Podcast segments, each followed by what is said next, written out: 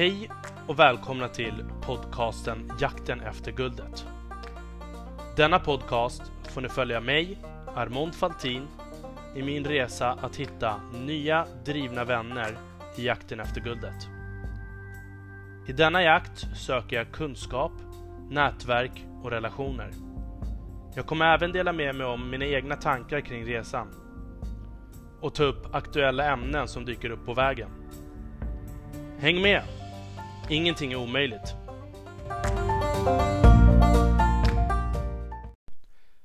Hej och välkomna allihopa till ännu ett avsnitt av Jakten efter guldet. Det här avsnittet hade jag tänkt att prata om någonting som är väldigt högaktuellt och också ett ämne som jag har extremt insatt i. Alltså nu är det så här tidigare när jag har pratat om eh, något aktuellt ämne som till exempel coronaavsnittet. Uh, då släppte jag typ bland de första avsnitten om corona inifrån Kina. Och tack vare det så hamnade det etta på Apple Podcast-listorna när man sökte på corona och lyssningarna bara sköt i taket. Helt sjukt. Uh, då vill jag ändå säga att det var ju en av mina sämre avsnitt och jag skäms lite för det alltså. Uh, jag hade ju haft ett tunnelseende om ett helt annat ämne innan.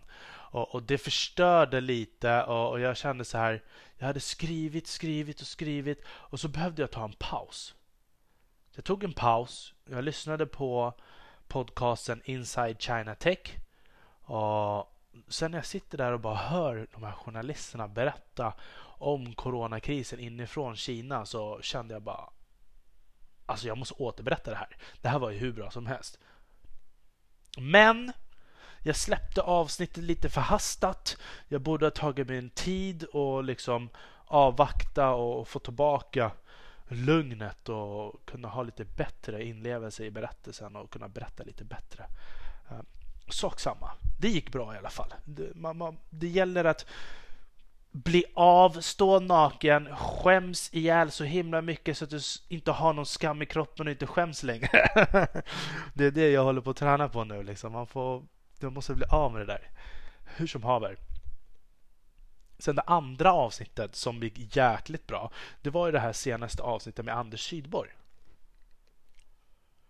Alltså, när jag släppte det avsnittet, då släppte ju DI Digital samma dag också ett avsnitt om 5G, om svårigheten att få svar från myndigheterna och alla de här sakerna som Anders sa. Och det, det var bara helt... Det där kraffade också helt rätt i tiden. Det bara sköt upp i taket. Jag är inte heller riktigt nöjd med, med, med min insats. Uh, jag vet inte om det är för att man är självkritisk, men jag är inte det. Nej, så är det bara. Så är det bara. Hur som haver, det gick jättebra. Men nu är vi inne på ett ämne som jag är extremt insatt i själv. Så nu gäller det bara för mig att hålla mig lugn och inte hetsa upp mig när jag pratar. uh, jag har ju spelat in en hel del inspelningar uh, förra veckan och träffat jättemycket personer. Nu under coronakrisen så vill alla träffas och, och det har varit jättebra. Och, men jag tar en paus från dem. De kommer jag spela upp lite senare. Nu gäller det här Kim Jong-Un och Nordkorea. Vad som krävs för att reformera ett land. Vad är det för retorik han har fört? Och lite historia. Kan det vara så att Kim Jong-Un enligt min mening jagar han the greatest merit. Den största meriten och nu är det så här. I historien så finns det bara två stycken kungar i koreansk historia som har fått kalla sig för the great. Och då är det the great king of Gwangetto Damdok. Han levde på sent 300-tal och tidigt 400-tal. Damdok, alltså shit, han, han var en prins som inte var riktigt bekväm med att leva i kungahuset och eh, efter kungliga sedvanor. Så att eh, han tyckte om att hänga med sin farbror. Hans farbror var militärstrateg och eh, expert på formationer. De brukade jaga i skogen och prata strategi och så vidare. Och när Damdok blev lite äldre så levde han med sina kompisar och med sin farbror i typ skogen och ibland så brukade de eh, invadera närliggande by eller vad man ska säga som eller rädda närliggande by som hade blivit invaderade av fiender. Och Det här var någonting som han höll på med utan att någon visste vem han var eller vad han gjorde. Han bara från början hade han ingen djupare plan utan han bara räddade sitt folk för han gillade att leva i skogen. Så han levde lite som en mountain bandit. Och tack vare det så blev han tillfångatagen i ett senare skede och satt i fängelset. Och han hade ju aldrig sagt vem han var liksom. Så han satt i fängelset, hamnade längst ner i hierarkin där, blev slagen, de tog hans mat och... Ja, hur som haver. Han börjar klättra i näringskedjan i det här fängelset. Fängelset som har de värsta banditerna och, och slavarna och sådär. Samlar han ihop alla, tar över hela fängelset, rymmer ifrån det här fängelset. Och sen så gör han de här banditerna till hans närmsta män. Och så går de ut och fortsätter eh, rädda sitt land och, och skapar nya kontakter, binder ihop kungariken till ett. På den här tiden så krigade de mot japanerna, mongolerna och hankineser. Samtidigt som de krigade mot sina egna kungadömen. Och han knöt ihop allt det här. Under hans tid så konkurrerade han över 64 storstäder och 1400 byar. Han blev bara 39 år gammal, men ändå den största genom tiderna som har byggt Korea och lagt grunden för det vad de är idag. På den tiden hette det Goryeo. Tusen år senare kom nästa The Great King. Li Du, King Sejong. Jag har pratat om honom i ett tidigare avsnitt som heter Banbrytande innovation från Li Du.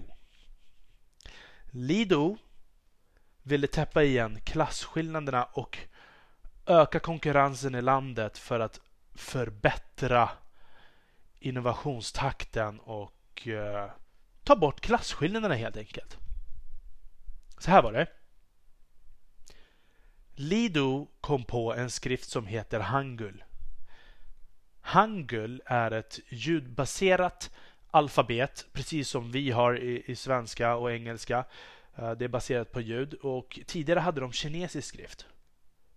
Och den kinesiska skriften, de bästa akademikerna kanske kunde läsa och skriva 3000 tecken. Men eftersom landet hade lidit av nepotism så pass länge så, fanns det, så hade kvaliteten sänkts och, de bästa akademikerna, om de skrev någon text så kunde deras eh, partners inte läsa och förstå texten. Och Han såg det här som ett enormt problem. Han såg det som ett problem att det var en väldigt liten krets som konkurrerade om platser. Och han behövde öka konkurrensen. De vanliga människor måste också kunna ta de här uh, statliga proven för att komma in i samhället och börja få arbeta för regeringen. Och när han kommer på hur han ska göra så börjar han skriva olika texter och, och, och, testa olika ljud och så ritar han i sanden och så kommer han på så här lullabies, eh, visor. Så han planterade ut hemliga agenter som klädde ut sig till vandrare och uteliggare och som gick från by till by och så ritade de i sanden samtidigt som de sjöng på sina lullabies, alltså visor. Och så avvaktade de från långt håll och tittade. Och Var det här enkelt för eh, byborna att lära sig? Eller var det svårt? Så där, genom direkt iakttagelse, så samlar de in data och färdigutvecklar sin produkt. Alltså jag tycker det är så coolt det här med koreansk historia. Allting är business och hur man gör business. Ja, ursäkta, ursäkta, ursäkta. Hur som haver. Och så Kung Lido, han var med i ett hemligt sällskap eh, med allt ifrån vandrare, slavar till höga tjänstemän. Och det här var en väldigt lång period som de fick gå underground och skapa det här. Och jag, jag måste säga så här innan.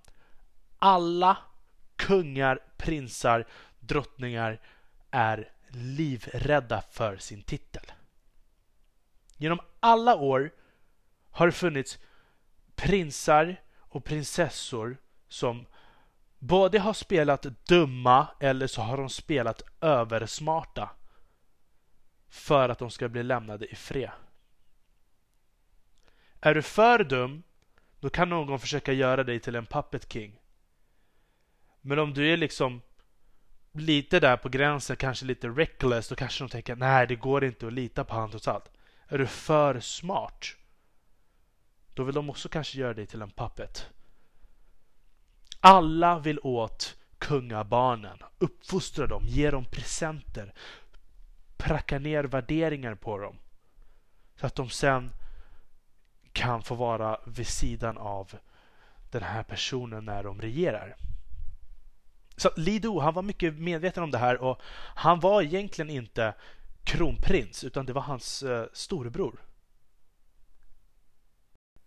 Men när han valde att fortsätta och när han presenterade det här nya alfabetet Hangul alla royalties var ju självklart emot det här men de visste ju inte att han redan praktiskt taget hade lärt hela landet att eller hela landet av den fattiga befolkningen att läsa och skriva.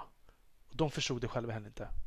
Så när han presenterar Hangul och alla är emot och han skickar ut de här lapparna så märker alla fattiga, de börjar jubla. För att de ser att, men hallå, jag kan ju redan skriva och läsa och skriva det här. Så han reformerade om och gjorde det enklare både för överklassen och underklassen att läsa och skriva. Han gjorde ändrade lagar så att till och med en slav som var smart skulle kunna konkurrera mot en royalty. Och det här förändrade också Korea för all framtid. Förstår ni vilken ball jäkel som kom på en, en ny egen skrift? Så vilken stor förändring det är. Och vad jag tror också nu med vad det gäller Kim Jong-Un. Eftersom det bara har funnits två koreaner som har fått kalla sig för The Great. Så finns det nu, om Kim Jong-Un skulle befria sin befolkning som nu har varit stängda väldigt länge då skulle han kunna bli det tredje The Great. Om han tar in internet och liksom förändrar och gör allt det där. Jag tror aldrig att de kommer förändra deras kultur helt och hållet. Men hans retorik från start har varit på ett visst sätt. Och hans retorik har visat att han inte är van med koreanska sedvanor. Han och hans syster är uppvuxna i Schweiz. De har gått i skolan där. Och hur man än vrider och vänder så jag kan säga så här. En annan en nutida historia som, som ni kan förstå vad det handlar om och också att fixa meriter och, och, vilka starka andra makter som det finns i landet som man behöver uh, kämpa emot. Om ni söker, om ni googlar på The World Most Dangerous Man Arrested in Phuket det handlar om en kille som blev arresterad av CIA och DEA. Uh, eh, som eh, de, han hade knarklabb i Nordkorea. Som han hade satt ihop och där var det japanska yakuza, kinesiska triader och eh, uh, mc-gäng, sådana som outlaws hade knarklabb där. Och så sålde de liksom knark över hela, över hela världen, uh, hela Asien. Och den här killen, han hette i alla fall Paul Leroux. När Paul Leroux blev tagen så slöt han en deal med DEA om att han ska uh, sätta dit alla sina associates i utbyte med att gå fri.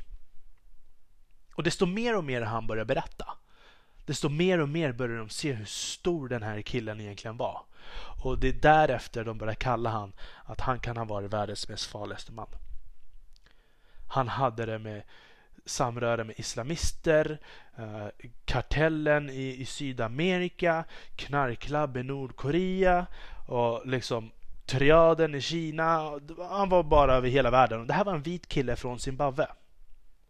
Fast han hade ett sydafrikanskt pass och var uppvuxen i Sydafrika en period och Australien. Och den här, varför jag nämner det här, för att det är ytterligare en grej nu som kommer att ske varför Kim Jong-Un sen har skickat ett brev till Sydafrika på befrielsedagen som också är en retorik. Uh, jag kommer till det snart. Paul Leroy reste en armé i Somalia på över 220 pers och planerade att invadera Maldiverna. Han skickade in konkurrenter i fängelset i Filippinerna och Indien. Hans privata mercenaries som han skickade på uppdrag som han hade, Rambo och Hunter, som var från olika håll. De hade ju alltså, det var ett gäng snipers från Tyskland, Polen, USA.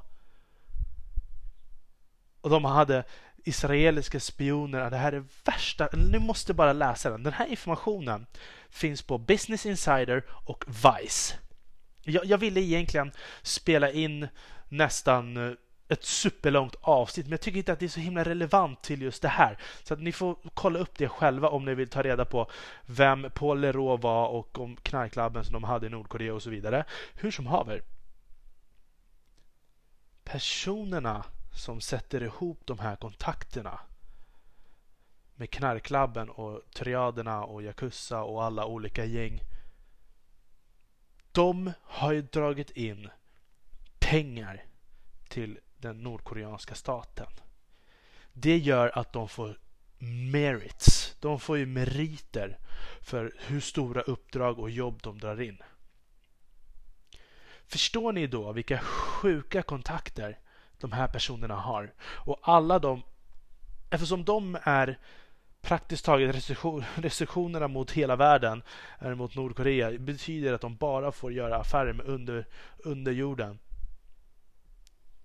om de här mäktiga människorna som har dragit in så mycket pengar har så sjuka kontakter ska jobba under en person som har ärvt sin makt. Som varken har nationella kontakter eller internationella kontakter. Inte på den här nivån i alla fall. Som inte har dragit in de här affärerna. Jo, då gäller det att han bevisar att han åtminstone är en stark ledare och kommer att föra de gamla sedvanorna vidare. Men han har ju visat en helt annan retorik. Och det är ju bland annat från, alltså, ett exempel är från en SVT-dokumentär. När han är på en båt och eh, så ska han åka iväg på den här båten och alla människor bara springer efter vattnet och så gråter de och gråter och han är så himla obekväm och bara chasar tillbaka dem. Att de måste bara gå tillbaka. Han skäms ihjäl. Och det här är liksom i vanliga fall så ska han bara ta emot det här. För det här är en vanlig sedvana som även fanns i Sydkorea för ett par år sedan. Alltså de har fortfarande samma hierarkiska... Alltså det är ju samma folk fortfarande. Det är inte så stor skillnad. För de som kan Korea, ja visst de här är ju fria liksom men uh, det är fortfarande väldigt mycket grejer som i kulturen som är detsamma. Och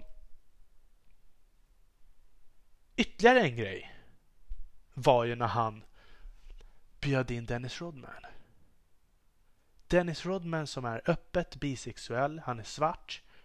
Han har ringar i näsan, han dricker, hade riktigt vidrigt beteende.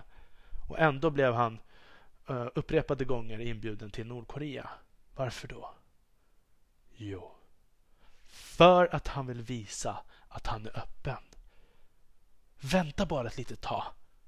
Jag behöver bara lösa det här. Jag kommer öppna. Jag tycker om American things. jag vet inte. Och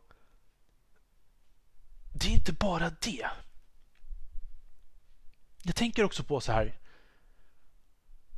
När, när Trump hotade och, och, och liksom invadera Nordkorea och såna här grejer. Det var, det var det absolut bästa som kunde hända Kim Jong-Un.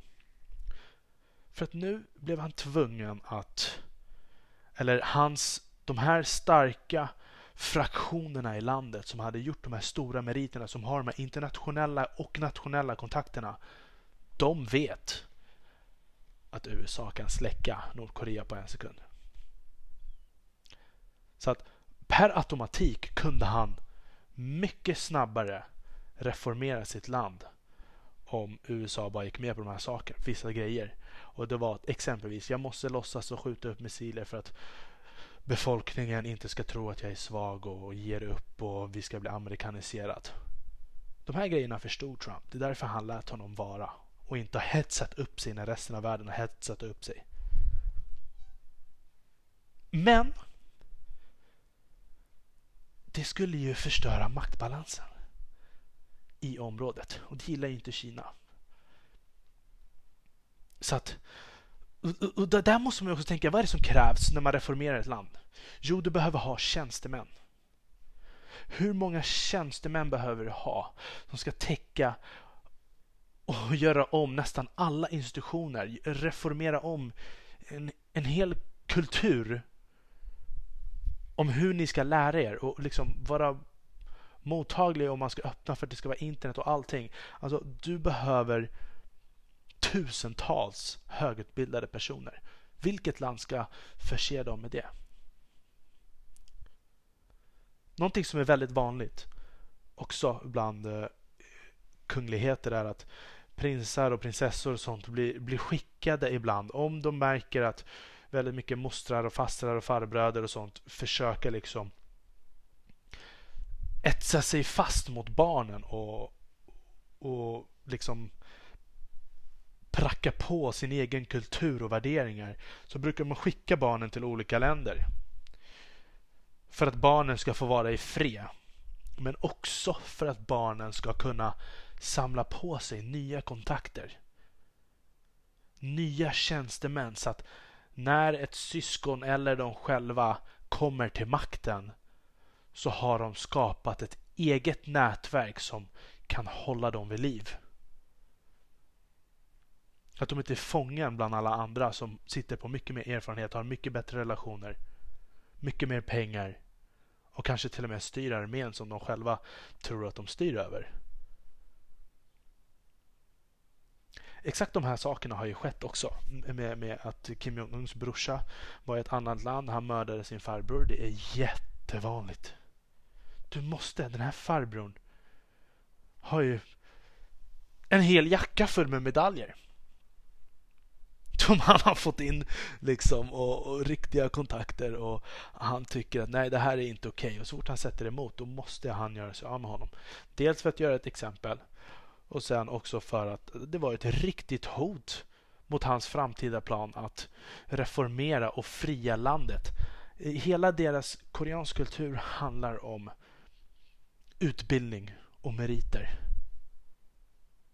Alltså det är bara att kolla på Samsung. Får inte glömma att, bort att Sydkorea är världens mest innovativa land i hela världen. Och de var som Nordkorea för 50 år sedan och har rusat om hela världen med hästlängder. Märken som Samsung och grejer. Ja, hur som haver. Hans retorik har varit att fria och jag tycker det är jättespännande. Och eh, för att göra ett modernt exempel på det här så tänkte jag prata om till exempel Turkiets president Erdogan. Erdogan ville ju komma till makten och han ville ju också reformera. Och vad gjorde han då? Jo, han kontaktade Gulenrörelsen. Gulenrörelsen är en en muslimsk rörelse från Turkiet som finns över hela världen och har skolor över hela världen. Och han kontaktade dem och sa att jag vill reformera, jag vill ta in tjänstemän och, och göra det här, se till att jag får makten. Då skickade de lärare från hela världen. De satte han på makten. Än idag är bredvid hans sida och, och styr Turkiet. Och Det är det du behöver göra om du ska reformera ett land. Frågan är nu bara, där var Trump var smart att han förstod själv. Men det var lite synd att han fick påtryckningar på den här före detta CIA-agenten som tror att man kan reformera ett land och göra dem till, ja, jag vet inte vad. Hur som haver. Sen är den här grejen med eh, att vara grönsak också. Vi vet ju inte om han är sjuk. Men vad vi vet i tidigare historia så har det varit kungar som har varit sjuka och också spelat sjuka. För att spola ut potentiella förrädare när de känner att någon är ute efter mig, någon försöker störta här, jag vill se vilka fraktioner som håller ihop, vilka det är som har en plan och vilka det är som bara liksom gör det bästa för landet. Och det var en kung som gjorde det här för att spola ut sina fiender och han gjorde ett suveränt jobb. Och efter han gjorde det så skrevs det ner i historieböckerna och det tricket har använts av flera kungar efter det där. Tack vare att det var en smart strategi. Alla tar ju varandras smarta strategier. Så det undrar man ju också nu. Är det så att Kim Jong-Un bara vill spola bort massa förrädare i landet när han ska försöka göra sin reform? Samma sak som nu eftersom han ändå har lyft sin syster som också är någonting som är väldigt annorlunda. Uh, att han har tagit fram henne och de har ju också studerat tillsammans i Schweiz. Och att han skickade ett brev igår, den 27 april, till Sydafrikas president. Cyril... Vad hette han nu? Cyril Rampusha, just det. På fredsdagen dessutom. När apartheid blev befriat. Att de gör det här på minnesdagen. Alltså alla de här, jag tycker bara de här små tecknena det är så himla, det är så himla kul att kunna läsa det här och så bara titta om man har rätt. När man ser någonting live framför ögonen som alla gissar en sak och så får man se om man har rätt. Därför tycker jag att det här är ett väldigt intressant ämne och ehm, ja, och med tanke på att Paul Leroux som också hade sina, satte upp de här knarklabben i Nordkorea som har anknytning på högsta nivå och gjort affärer med presidenter över hela världen nu kanske också hjälper till att hitta tjänstemän från Sydafrika som bland annat håller på och bygger upp hus och hotell och sånt i Nordkorea. Mm. Väldigt, väldigt, väldigt, väldigt spännande grejer som händer nu. Vi får se om jag har rätt. Och eh, hur som haver. Har ni några frågor eller om ni har några tankar på någonting mer jag ska prata om Säg gärna till. Mm, jag är öppen, öppen, öppen. Jag har ju två stycken supergrymma gäster som jag ska alltså intervjua den här veckan. Jag vet inte, alltså det, grejen är så här. Ja, det är två jättegrymma tjejer. Och det är lite nervöst. Det här är högsta nivå. Det är högsta nivå alltså. Den ena så ska jag ha på engelska och det blir en rejäl utmaning. Jag har inte drömt eller pratat engelska på flera år och då blir det liksom den direkta översättningen blir fel. Man stammar och nu har jag bara tränat på tungan i munnen och, och prata lite engelska. Men skitsamma, det gäller bara att bli av med all rädsla och stå naken och kasta eget åt helvete. Så är det. Sen den andra tjejen, hon, hon är liksom en stor internationell chef för ett väldigt stort företag. Så att eh, det ska bli riktigt kul, riktigt spännande och jag är verkligen tacksam att de vill vara med i podden. Och eh, ja, så länge. Jakten efter guldet mina vänner. Vi hörs igen nästa vecka med vänliga hälsningar Armon Faltin.